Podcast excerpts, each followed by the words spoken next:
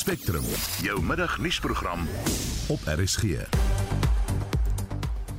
In vandag se program daar sou wat 25 miljoen slaggate op die land se paaie, reaksie op 'n petisie om pitbull terriers as troeteldiere te verban. Amerikaanse pitbull terrier is nooit geteel vir mensaggressie nie en ons het in ons huidige sosiale omgewing in Suid-Afrika het mense hulle self gewend tot beskermingshonde. So die aggressie word in die verkeerde rigting gekanaliseer. En hulde aan die skrywer en joernalis Leopold Skols. Welkom by Spectrum, die span is redakteur Wessel Pretorius, produksieregisseur Mark Preller en ek is Susan Paxton. So by kan 7 minute oor 12 jy luister na Spectrum en groothandelssyfers het in Augustus met 0,8 indekspunte gestyg in vergelyking met dieselfde tydperk verlede jaar. Dit is volgens die jongste groothandelssyfers wat deur Statistiek Suid-Afrika bekend gemaak is. Ons praat nou met die ekonom Richard Downing daaroor. Goeiemiddag Richard. Goeiemôre Susan. Kom ons kyk na die indeks hoe dit vertoon. Ja, ek meen as ons kyk na die volume van groothandelsverkope teen Augustus verlede jaar, dan sien ons daar's eintlik maar 'n baie klein beweging van 0.8% opwaarts in Augustus op Augustus. So dit sê vir ons eintlik daar is nie vreeslik lewe in groothandel nie, wat ook maar 'n weerspieëling is van wat in die ekonomie aangaan tot 'n mate. Uh as 'n mens natuurlik gaan kyk na jou nominale verkope, aan die ander woorde waar jy werk met pryse ook wat wat verander het dan sien ons dat dit om 22% gestyg op verlede jaar in terme van groothandelverkope, die waarde van daai verkope. Maar uh, as 'n mens gaan kyk na die inflator wat daar betrokke was by daai pryse, dan is dit 21% stygings in die waarde van van daardie uh, groothandelverkope. So dit beteken dat daar 'n groot mate van inflasie aanwesig is in die syfer en dit is eintlik maar 'n pryseffek is wat vir ons hierdie 22% gee. So niks om oor hy te skryf nie en ek dink 'n mens sal maar ook dat om nog uh, sien in terme van kleinhandelsverkope tot 'n groot mate. Dan is nie werklik sterk bewegings is in hierdie groothandelsverkope nie. Deur na hierdie statistiek te kyk, eh, jy weet hoe vaar die ekonomie dan? Ja, ek wil wat mense hier maar eintlik sien is eintlik ehm um, brandstofpryse wat eintlik jou grootste komponent uitmaak van hierdie hele klomp groothandelsverkope. Hy uh, brandstof is omtrent so uh, 21% van hierdie verwaarde van verkope. Dan kom ons by uh, voedsel uh, wat 'n groot komponent ook is omtrent 16% en so ook masjinerie en die tipe van van toerusting. En dan derdens is daar maar huishoudelike toerusting wat nou nou diamante en die tipe van goed uitsluit. So daar dit is maar 'n groot gewig wat gedra word deur eintlik lyk my brandstof tot 'n groot mate in terme van groot ehm uh, groothandelsverkope. So ehm uh, 'n mens is eintlik uh, eh, groothandelsverkope uh, tot 'n mate eintlik maar die voorloper eintlik van kleinhandelsverkope en en eintlik uh, van al landbou is ook 'n belangrike komponent hierso in terme van aankope en in terme van kunsmis en die tipe van dinge. So uh dit gee ons 'n bietjie van 'n weerspieëling tot 'n mate in wat in die ekonomie aangaan, maar dis ook maar 'n versyfer wat ons baie versigtig moet vertolk en eintlik gaan kyk na wat met pryse gebeur het tot 'n groot mate en dan kom ons eintlik uit by die werklikheid van wat met groothandel verkoop eintlik aangaan. Baie dankie, dit was die ekonom Richard Downing. Eskom het aangekondig dat fase 3 beurtkrag voortduur tot verdere kennisgewing. Die kragvoorsiener sê twee eenhede by die Kendal kragstasie en een elk by Kriel en Arnot het ontklaar geraak. Eskom het die spesiale ondersoekeenheid kortweg SOE en die Valkeshulp ingespan om verskeie hoë profiel voorvalle en voortdurende kwessies met werknemers oor die laaste paar jaar te ondersoek. Eskom het 'n operasionele opdatering aan die staande komitee oor openbare rekeninge of skoor voorgelê insluitend die vordering wat gemaak word met ondersoeke na werknemers wat met die groep sake doen en sabotasiedade wat tot ineenstortings en beerkrag gelei het. Die woordvoerder van die SOE Kaiser Ganyago The things that this uh, were happening there are very scary where you find people were deliberately sabotaging Eskom for their own benefits Hy sê daar is ook samespanning onder vervoerders om swak gehalte steenkool van sekere myne met goeie gehalte steenkool van ander te meng. Deur sy ondersoek het die SOE honderde werknemers by die kragvoorsiener geïdentifiseer wat een of ander vorm van sake met die entiteit gedoen het wat groot belange botsings veroorsaak het. people will make sure that they buy the coal from mines that are very far from the power station because they wanted to make sure that they charge a lot because their companies were involved in the transportation. Therefore, what they will then do is to then buy from these far mines and then make sure that the amount is not seen by ESCOM because what they will do is they will increase the um, inflate the price of the of the coal so that it accommodates the transportation Die SOE het 334 sake van belangebotsing by die groep geïdentifiseer waar gevind is dat werknemers moontlik verbind word met verskeie entiteite en verskaffers wat met Eskom sake doen. Verder is 5464 werknemers geïdentifiseer wat nie vorms ingedien het waarin hulle belange verklaar word nie. Ek is Bianca Olifant vir SAK nuus. Ons praat nou verder met die Solidariteit Adjunk Hoofsekretaris van die Openbare Sektor Helgard Kronee. Goeiemôre Helgard. Goeiemôre Susan. Jou reaksie op die oop vlek van die sabotasie. Man, ek dink dis 'n uitstekende ding. Ehm um, ons weet dat korrupsie, ehm um, sabotasie en mense wat dinge vir hulle eie voordeel doen binne in Eskom eintlik al 'n kultuur geword het, so erg is dit. So dit is absoluut verblydend om te sien dat mense gearresteer word vir weet hierdie verskeie elemente van kriminaliteit. Ehm um, en dit is al hoe mense dit gaan omkeer as om mense aanspreeklik te hou.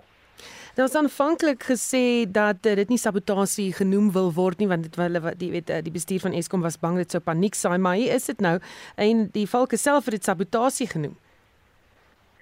Ja, ek dink kyk mense kan dit eintlik maar noem wat jy wil. Die punt is dis 'n misdaad, jy weet. So Ehm um, daar is sabotasie waar mense ek dink daar's verskillende elemente van sabotasie en ek dink dit is hoekom ehm um, Eskom se bestuur versigtig is oor die term sabotasie. Ehm um, wanneer dit kan tydens die onderhandelingsproses byvoorbeeld is dit gebruik um, om te beskryf waar werknemers byvoorbeeld infrastruktuur um, van Eskom beskadig het spesifiek omdat dit waar dit gekoppel kon word aan die onderhandelinge. In hierdie gevalle word dit in baie opsigte gedoen vir eie gewin hulle wil iets daai trek en ek dink daar is tog 'n klein onderskeid tussen die verskillende elemente van sabotasie wat ons binne in Eskom kry en ek dink daarom is hulle versigtig. Ek dink die punt is daar's verskillende uh misdade wat binne in Eskom gepleeg word, um, wat alles gekoppel kan word daaraan dat mense dit doen om Eskom te misbruik om hulle self te verryk. En dit terwyl die land dan nou gebuk gaan onder beurtkrag. Ja, natuurlik. Ons weet almal uh hoe lyk Eskom se finansies, hoe groot hulle skuldlas is en die feit dat hulle nie genoeg krag kan opwerk nie en al hierdie elemente speel in daarop. Ehm um, dit het 'n definitiewe impak op Eskom se kontantvloei en daai tipe van goed. Ehm um, en dit is natuurlik wat pryse vir sekere goed so opjaag. Jy weet as 'n ou sy kickback Bybel sit by 'n prys wat hy het van 'n kontrakteur en daai tipe van tipe van dit natuurlike impak as jy materiaal verloor of diesel verloor of olie verloor of wat ook al die geval of koper verloor dan het dit oral 'n impak um, want dit moet natuurlik herstel word weer. Hm. Dink jy dat hierdie optrede in 'n egtenisname is daartoe sal lei dat ons beerkrag so effe sal afneem? Ek dink nie oor die kort termyn nie, uh, maar dit is absoluut nodig om oor die lang termyn ehm um, Eskom se volhoubaarheid te verseker. Uh, ek dink nie oor die kort termyn gaan dit natuurlik gaan dit 'n wesentlike impak hê nie. Eskom weet ten spyte van al hierdie misdade ehm um, het Eskom ander probleme soos sy kragstasies wat natuurlik baie oud is. Ehm um, al die uh, ja, al die werk wat op die kragstasies gedoen moet word en al die eenhede wat staan, staan nie noodwendig as gevolg van hierdie misdaadelemente nie, maar in baie gevalle omdat die stasies oud is en in sekere periodes um, wat Andre de Ruyter se termyn eintlik vooraf gaan nie altyd um, na wense onderhou is nie. Um, en dit haal hulle ook in. So daar's al hierdie elemente moet dit dra eintlik by tot ons huidige veerkragkrisis. Baie dankie. Dit was Solidariteit se adjunk hoofsekretaris van die openbare sektor Helgard Kronje. Dit wil tans voorkom of daar meer slaggate as teerpadde is wat betref die land se nasionale paaie netwerk. Daar staan so wat 25 miljoen slaggate op die land se paaie en dit het die afgelope 5 jaar met 10 miljoen vermeerder. Dis volgens die jongste statistiek wat by die eh, die konferensie van Suid-Afrikaanse Padfederasie wat in Kaapstad plaasvind bekend gemaak is. Die Suid-Afrikaanse nasionale padagentskap SANRAL sê dit kos verbruikers tans tussen 700 en 1500 rand per vierkante meter om hierdie gate te herstel. Die minister van van vervoer vir Kile en Balula is egter van mening dat die land se paaie in 'n baie goeie toestand is. Ons praat nou ook met die hoof van Alta se afdeling vir toerekenbaarheid, advokaat Stefanie Fik. Goeiemôre Stefanie. Goeiemôre Suzan. Hoe voel julle oor die land se paaie? Is dit in 'n goeie toestand? Word dit goed onderhou? Ek wonder ek wonder net of wat 'n baie 'n minister in Beluna ry want ek dink enige persoon, uh, maak nie saak in watter dorp of stad jy is nie. Ek dink ons word um, elke nuwe dag um, um, is daar daar's net meer slaggate, meer slaggate, meer slaggate. So ek dink ons opinie is dat regtig weer eens, ek dink wat mense sien hier is kom ons uh, uh, uh, um, uh, kom ons maak kom ek kom ek sê so ons nasionale paaie mag dalk in 'n beter toestand wees maar ek dink provinsiaal en ons plaaslike regering wat verantwoordelik is vir ons plaaslike paaie kan ons definitief nie dieselfde sê nie. En elke keer as daar 'n reën by ehm um, ehm um, uitslaan waarvoor ons almal baie dankbaar is dan wonder ons hoeveel slaggate gaan daar môre op die paaie wees. Nou ek dink dit dit spreek weer eens tot ek dink dat die, die geld nie aangewend word soos wat moet aangewend word nie en dat daar ook nie ehm um, dat, dat die minister en die mense nie verantwoordelik gehou word vir die vir die ehm um, dit is hulle nie die geld spandeer soos hulle dit moet spandeer nie. So daar is geld, dit word net nie reg spandeer nie. Ek dink dis dis deel van die probleem. Dit word nie reg gespandeer nie. Dit word nie gespandeer um, op die um, met ander woorde hulle stel um, maatskappye aan wat of nie die werk doen nie of nie die werk behoorlik doen nie. En ek dink wat belangrik is is ons jy het nou die syfers genoem van is um, 700 tot 1500 um, per kubieke um, meter.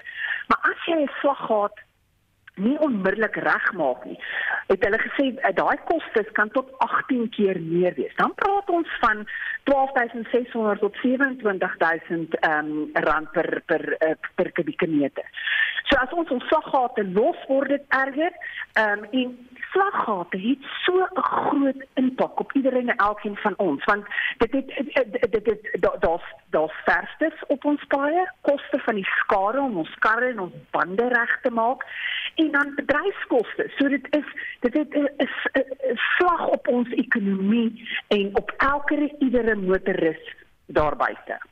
Is die begroting wat glo so wat net 5% van die land se begroting is genoeg om die paaie netwerk in stand te hou? En, en ek dink tog ons moet wel gaan kyk dat dat die dat ons paaie netwerk voldoende fondse kry um, om dan nou ons baie regte regte maak en reg te hou. Want dit gaan nie net oor om die probleem nou um, die, om die, om die, om die slaggate toe te maak. Die mense moet ook gaan kyk na hoekom is daar 'n probleem? Hoekom elke keer op dieselfde plek is daar 'n uh, 'n uh, uh, slaggat? So dit gaan oor ons moet ook ons baie um, onderhou. En um, as nou net 5% van ons begroting gaan en jy neem in ag dat ek dink mense kan in alle eerlikheid sê dat van daai 5% ook nie alles gaan waarvoor dit moet gaan dat dit mis er, ag dat dit wan aangepas word. Ehm um, het ons het ons 'n groot probleem geen wonder ons ehm um, dit dis rarig eh, mense dodge die die slaggate soos wat mense ry elke dag. Hmm. Jy het intussen met 'n projek begin om hierdie probleem op te los op 'n uh, weet munisipale vlak. Vertel my daarvan. So ons het, dit is 'n ehm um, dit is 'n applikasie, uh, uh, die uh, dit is die link app wat ons dan nou probeer waar mense kan kan hierdie klas van probleme gaan gaan aanmeld. Met ander woorde soos byvoorbeeld slaggate. En ons het dan nou 'n ooreenkoms met met byvoorbeeld die stad Kaapstad wat beteken dat hierdie as jy dan nou jou ehm um, ehm um, die slaggat rapporteer dat daai probleem direk na die na die na die ehm um, stad toe gaan. Maar wat so lekker is van hierdie applikasie is dat ehm um, dis nie net ehm um, 'n plaaslike regering um, gebonde nie. Met ander woorde as jy nou jou applikasie oplaai hier in Johannesburg en jy ry nou af hier deur deur ons mooi land tot in in in Kaapstad en jy enige uh, uh, uh, uh, op hierdie pad dan nou 'n probleem kan jy 'n foto neem en ehm um, jy kan dit word dan nou outomaties na die plaaslike regering as ons applikasie dan nou van toepassing is oral word dan nou sien toe gestuur. So dit is 'n baie lekker, ek dink dis 'n manier van van burgerregtelike organisasies en en en en en en ehm um, ek dink net ons as motoriste om dan nou te sê maar kom ons help. Kom ons help. As ons dalk die probleem uitwys, maak dit vir hulle makliker om dan nou te identifiseer waar die groot probleme is. Want mense moet dan nou ook onthou hoe meer mense hierdie probleme op die ehm um, toepassing laai, kan mens dan nou ehm um, as gevolg van die logaritmes bepaal weet daai is 'n groot probleem want baie mense het het dit aangemeld. Baie dankie, dit was die hoof van Alta se afdeling vir toerekenbaarheid, advokaat Stefanie Fik. Die besluit deur die voormalige uitvoerende hoof van die SAIK, Claudio Motsoneng en nege ander om 53 musikante elkeen R50000 te gee, was onwettig. Motsoneng hoef egter nie die sowat 2,4 miljoen rand terug te betaal nie. Die president van die spesiale tribunaal wat die ondersoek na die gebeure in 2017 lei, regter Lebogang Modiba, het bevind dat die SAIK bewus was van die betalings en niks gedoen het nie. En nou na 5 jaar het die periode waarin die SAIK dit kon terugeis ook verstryk. Ons praat nou met die direkteur van Media Monitoring Africa, William Bird. Goeiemiddag William. Hallo, goeiemiddag. Thanks for having me on the program. Uh, wat is jou reaksie op hierdie uitspraak? Well, obviously, it's a, it's it's very positive news to hear this. It's uh, I think at the time it was clear that there was a lot of dodgy things going on with uh, Mr. Motsoneng, and this was one of those decisions that was patently uh, illogical and also illegal. Uh, you know, it, it it it looked just like a bribe. And as it turns out that seems to be correct. Alhoewel die geld nie teruggekry kan word nie, sal dit verhoed dat enige ander musikante nou ook R50000 kan eis en verdere finansiële druk op die openbare uitsaier dan nou kan plaas. Yeah, you know that is an important thing. It, it does at least draw a line in the sand that says this isn't something that people can go then and demand from the SABC and say, well, so and so and so and so got it. Why, why am I not getting my share? Of course, what people may legitimately legitimately ask is, well, if they if it was illegal, why aren't they paying that money back? And I think that that's a fair thing to be asking. Uh, certainly, that those who did receive it, they should should be paying that money back. Um, and I, I, guess it just speaks to the fact that you know for him to have behaved in that manner when the SABC's financial model then wasn't uh, you know stable, he just uh, it's a small demonstration of his gross abuse of power and his waste of funds. Hmm. Demonstreer hierdie uitspraak hoe belangrik dit is dat sake by die SAIK ook dopgehou word sodat die misbruik van fondse nie weer gebeur nie. Van die openbare uitsaai is steeds in finansiële of baie diep in die moeilikheid steeds weens al hierdie gebeure. Yeah, exactly. You know, the SABC is, is, is such a critical institution for democracy. It's so essential for, for our country. You know, the majority of people rely on it for access to news and information. And its financial model is not sustainable. You know, I think that this is an example of, of how funds can and have been abused in the past. What we now need is for government to act swiftly and make sure that we see the white paper on on, on the, the white paper on audiovisual policy uh, moving beyond that point to a draft so it can actually be implemented because without that the SABC's financial position is going to continue unfortunately to deteriorate which means that yet again in a few more months we'll be having this conversation about why the SABC is facing another financial crisis. Baie dankie was die direkteur van Media Monitoring Africa William Bird Regter Zaba Nkosi is in die geregtelike dood dood is in die geregtelike doodsondersoek van Dr. Hosen Hafaji in die Pietermaritzburg Hooggeregshof gevra om te bevind dat die struggle aktivis gesterf het terwyl die veiligheidspolisie hom in 1977 gemartel het of dat iemand anders betrokke was toe hy in 'n sel doodgewurg is. 'n Vorige ondersoek in 1978 het bevind dat Hafaji selfdood gepleeg het. Advokaat Howard Vani wat die Hafaji familie verteenwoordig, het ook gevra dat strafregtelike stappe geneem word teen twee oudlede van die veiligheidspolisie en 'n polisie-informant. Dries Lieben Liebenberg berig. 'n Patoloog het getuig dat party van die tientalle beserings wat Havertjie opgedoen het, breinskade kon veroorsaak het, hom sy bewussyn laat verloor het of selfs tot sy dood kon gelei het. Wani het gesê die veiligheidspolisie kon na 16 uur se intense ondervraging in die kelder van 'n polisiekantoor Havertjie nie so ver kry om geheime uit te lap nie. And my lord, this must have enraged his interrogators. He visited even more barbarity on him. The medical evidence demonstrates that, at least by the end of his interrogation, he had been so battered he was likely concussed or in a state of unconsciousness induced by head trauma from blunt force impact, and we submit probably not responding to attempts to revive him. Wani het twee moontlikhede genoem wat hierna kon gebeur het. Afiji was reeds dood en die selfdoodtoneel is in die sel nageboots. Of Haffiji kon nie bygebring word nie en iemand was in die sel betrokke by sy verwurging om die omvang van sy marteling toe te smeer. Wani het aanbeveel dat strafregtelike ondersoeke teen 4 polisiebeamptes ingestel word. Dit wissel van beweerde myneet deur twee polisiemanne wat in die aanklagkantoor aan diens was tot moord teen Mohan Gopal wat 'n konstabel in die veiligheidspolisie was. Hoewel Gopal die gebeure aan die lig gebring het in 1996 by die Waarheid en Versoeningskommissie, het Wani betoog dat hy niks gedoen het om hom van die marteling te distansieer nie. And while he was truthful to a degree on the cover up, he stopped short, well short of describing the full extent of the conduct that was being covered up. And most strikingly, my Lord, we're of the view that um, Gopal was in fact present or was aware that Hafaji had succumbed, had died well in the hands of the security branch. And Gopal played his role in that aspect of the cover up. Vani het ook betoog dat die polisie-informant Mati Benjamin van myneet in die doodsondersoek aangekla word. We believe that Mati Benjamin should hang her head in shame.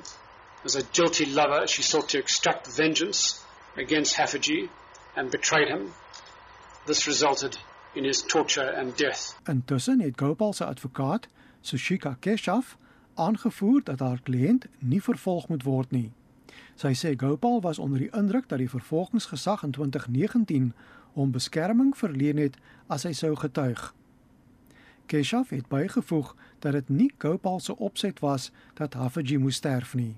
Now at that time, my lord, apartheid was rife. The dynamics of the security branch were complex.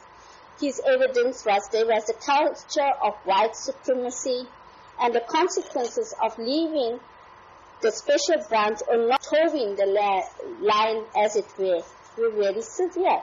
Wani het egter betoog dat artikel 204 beskerming van 'n getuie nie in 'n doodsondersoek geld nie. Hy het bygevoeg dat Gopal gewaarsku is dat hy sy swygreg kon gebruik. Regter Nkosi het die ondersoek tot 'n latere datum uitgestel wanneer hy sy bevindinge sal bekend maak. Ek is Dries Liebenberg in Durban.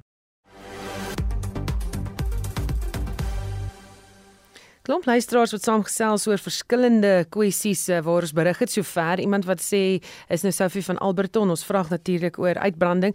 Ag nee, as jy depressief is as jy jonk is, sal jy so wees as jy oud is. Mensgemaakte moeilikheid wat uh, sy sê was sy was nog nooit depressief in haar 70 jaar nie. Glimlag, die lewe is kort sê sy. Maar dan is ook 'n klomp mense wat saamgesels oor die paaie storie en in ons dorp Jeffreys Bay is die toestand van paaie wat deur die provinsiale administrasie geadministreer word en stand gehou moet word baie skokkend. So ook Imansdorp en St Francis Bay, jy kan sowel net sowel op 'n grondpad ry sê die persoon.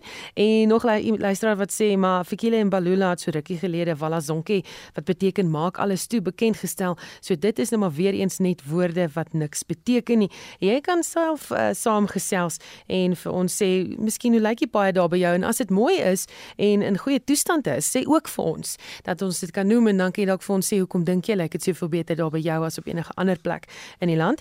En En uh, nog iemand wat sê, "Man, baie dankie aan die paai vanaf Kalvinia aan die Kaap toe. Is baie mooi en breed en die paai is in 'n goeie toestand. Julle maak dit 'n plesier om hier in die Weskus te kom ontspan. Ons waardeer dit opreg." Sê 'n luisteraar daar oor die paai wat so mooi is daar. So laat weet vir ons, as dit mooi is ook, as dit sleg lyk en uh, hoekom dink jy dit lyk dit goed of sleg in die gebied daar waar jy is? 'n Petisie deur die liefdadigheidsorganisasie die Sizwe Kupela Stichting om pitbull terriers as troeteldiere te verban, het reeds meer as 35000 handtekeninge ingewin. Die petisie vra vir die beskerming van mense en verantwoordelike troeteldier eienaarskap en dat alle pitbulls gesteriliseer moet word om onbeheerste toename van die ras te verhoed. Die petisie word deur die Nasionale Dierebeskermingsvereniging ondersteun en Estie de Klerk doen verslag.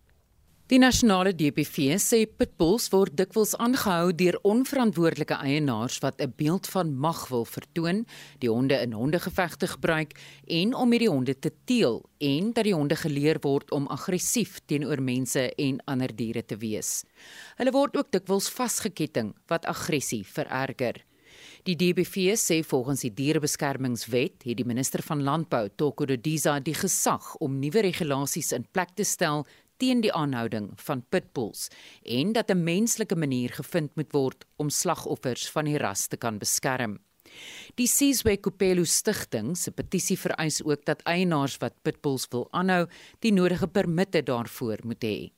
Maar die woordvoerder van die Pitbull Federasie van Suid-Afrika, Leanda Reder, sê die organisasie voel die petisie is oordrewe en dat die verbanning van die ras nie probleme rondom pitbulls gaan oplos nie. Ons het 'n vergadering gehad met die Seasoy Foundation. Daar is sekere raakpunte. Ons is almal eens dat hondeaanvalle en hondebytgevalle moet stopgesit word. Die onverantwoordelike teeling en onverantwoordelike eienaarskap van hierdie hond het gelei tot die situasie waar ons nou sit en dit moet stopgesit word. Maar die Pitbull Federasie van Suid-Afrika glo nie dat 'n rasverbanning die oplossing daartoe is nie.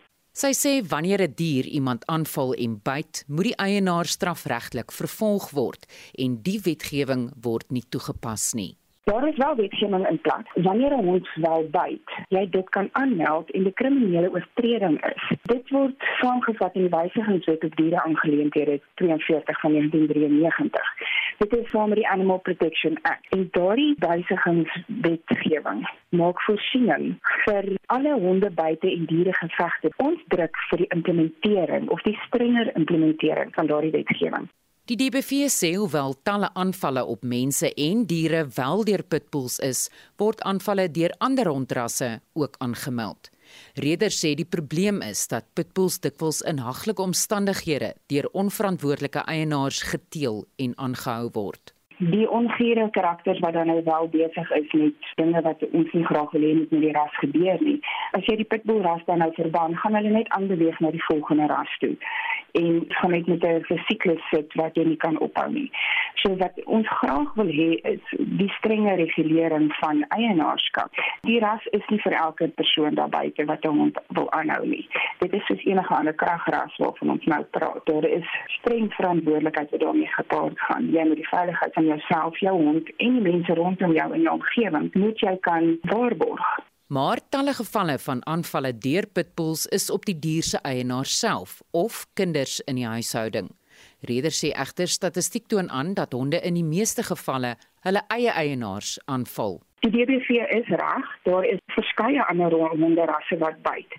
Maar dit is ongelukkig net die pitbull, die honde wat gecrossbreed is, ek die Engelse woord gaan gebruik, wat dan nou uitgewys word omdat die aanvalle deur daardie honde soveel erger is as 'n gewone byt deur 'n ander hond eienaars van honde wat byt is nooit geregtelik aangekla soos wat ons veronderstel is om te doen in die verlede nie. En dit het net te maklik geraak om jou skouertjies op te trek en te sê ek is jammer, maar hond het uitgekom uit gebyt. Kan ek jou mediese onkoste betaal? Daardie persoon moet krimineel aangekla word want dit is jou verantwoordelikheid hoe jou hond optree. In baie gevalle word die kinders van eienaars aangeval deur hulle eie honde. Dis 'n baie nette situasie. Ek moet vir jou sê 77% van honde buite is gewoonlik hond in die familie. Dit is deur statistiek bewys. En dan weer eens kom dit terug na die deling van die hond. Die Amerikaanse Pitbull Terrier op sigself is nooit geteel vir mensaggressie nie en ons het in ons huidige ekonomiese of sosiale omgewing in Suid-Afrika het mense hulle self gewend tot beskermingshonde. So die aggressie word in die verkeerde rigting gekanaliseer. En dit is hoekom daar voorvalle plaasvind waar die huishond werkers of kinders of selfs eienaars dan nou byt. Die Seswe Kopelo Stichting poog nou om 50000 handtekeninge in sy petisie te verkry. Ek is Estie de Klerk vir SAK nuus.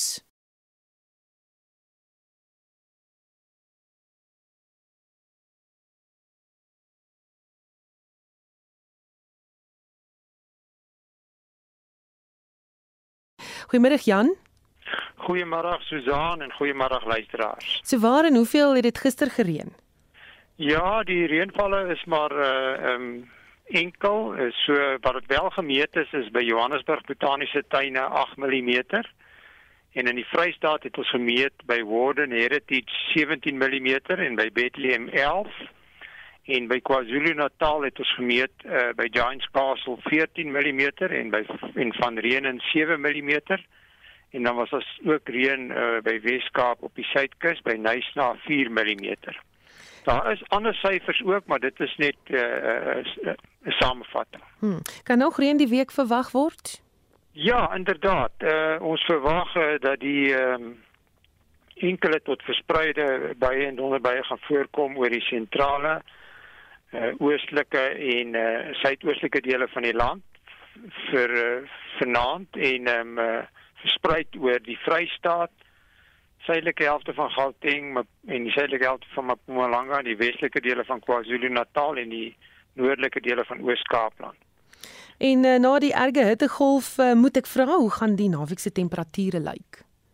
Ja, die uh die kyk die, die reënerige weer Susan hier voort na môre toe en dis eintlik nog maar basies dieselfde verspreiding en ehm um, as gevolg van uh, uh die feit dat die reënerige weer voortduur en daar is uh, uh, vochtige lug wat ook in beweeg vanuit die noordweste en verwag ons dan dat, dat temperature gaan maar steeds warm bly ehm um, baie warm in plekke soos die die Laagveld en die Limpopo Vallei en dan ook uh, uh baie warm tot bloedig warm oor die benede Oranje rivier vallei en dele uh ja van die die Noord-Kaap soos die Kalahari.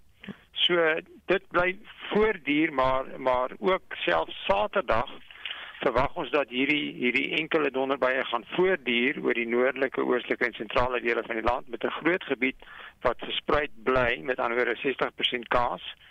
Dis nou uh, oor oor KwaZulu-Natal, Mpumalanga, Gauteng, ehm um, suidelike dele van Limpopo en die oostelike dele van Noordwes en byna die hele Vrystaat en ook die oostelike helfte van Oos-Kaapland waar ons verwag dat die die 60% kans vir reën en baie gaan voortduur en dan self Sondag duur dit voort, maar daarna hier teen Maandag se kant begin dit opklaar en daarna gaan dit warmer word.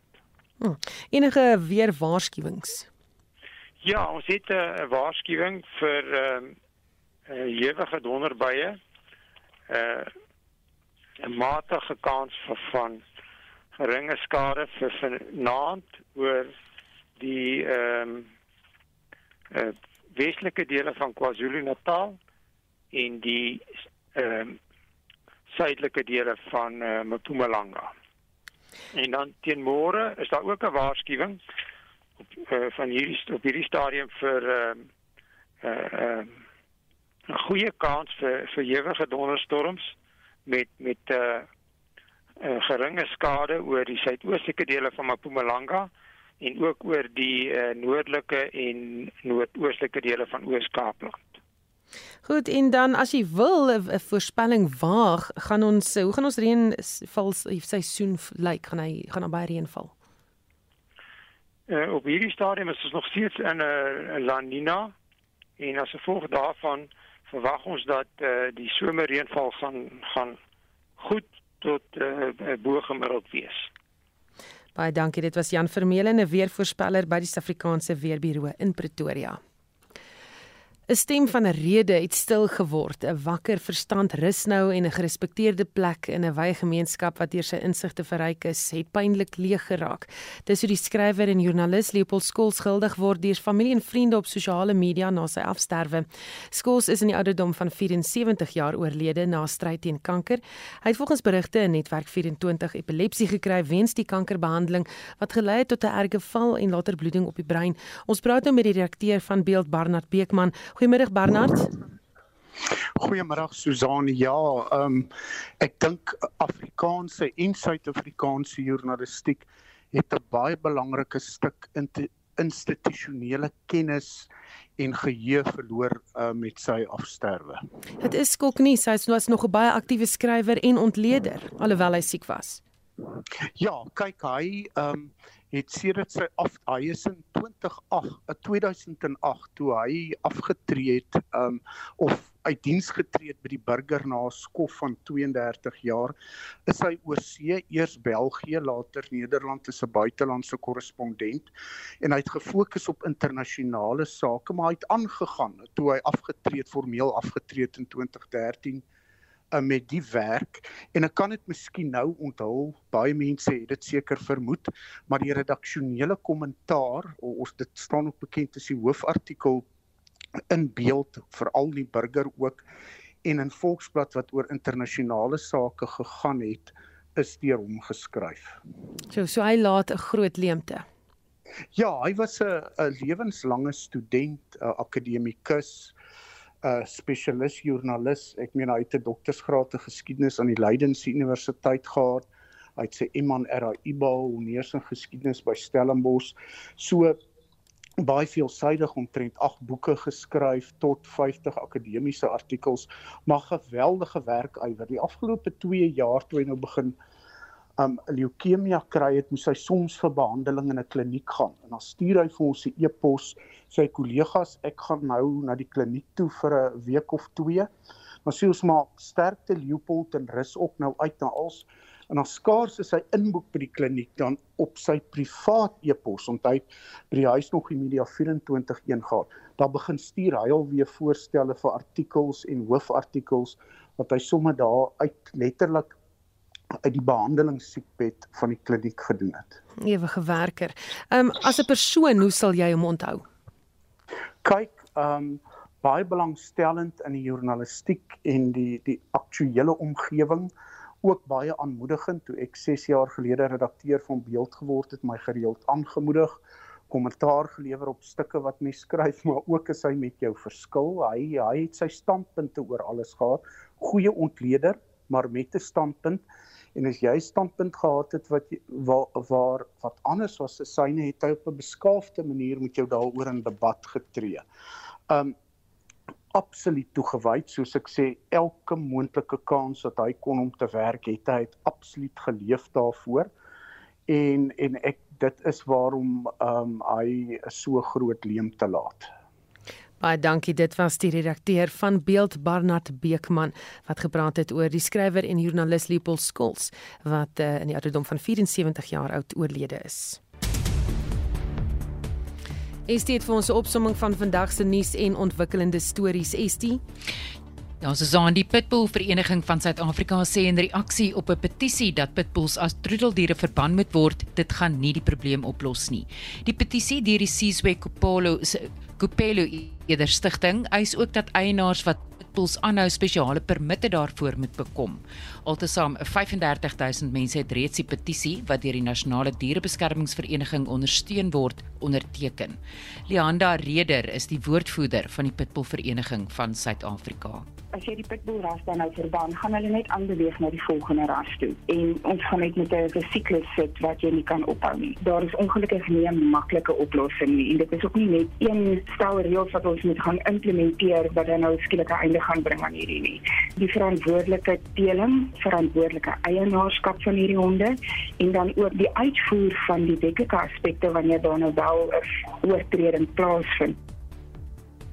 Makroba Tea Estates in Tsanin, een van die grootste teeplantasies in die land en voorheen onder die vaandel van Lipton Tee, funksioneer nie meer nie. Die teeplaas is ten gronde net meer as 'n dekade nadat die plaas deur die regering aan die Makroba gemeenskap onder die vaandel van grondhervormingsprogramme gegee het.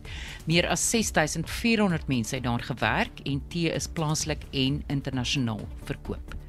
Dan volgens die jongste statistiek van die Suid-Afrikaanse Padfederasie is daar tans sowat 25 miljoen slaggate op die land se paaie en dit het in die afgelope 5 jaar met 10 miljoen vermeerder. Die Suid-Afrikaanse Nasionale Padagentskap SANRAL sê dit kos verbruikers tussen 700 en 1500 rand per vierkante meter om die gate te herstel. Die minister van vervoer, Fikile Mbalula, meen egter dat die land se paaie in 'n goeie toestand is. Maar die organisasie Alta stem nie hiermee saam nie. Hier is Alta se Stefanie Fik. Alhoewel die probleem van slaggate nie oornag gaan verdwyn nie, die regering vinnige plan sal moet maak, anders gaan dit baie duurder word om paaie te herstel. En as slaggate nie behoorlik reggemaak word nie, gaan die padnetwerk eenvoudig net nie hou nie. Die geld wat tesourie aan provinsiale regerings toeken, word dikwels nie reg gebruik nie. Dit word dikwels wanbestee en maatskappye wat aangestel word om die werk te doen, doen dit glad nie of net nie behoorlik nie.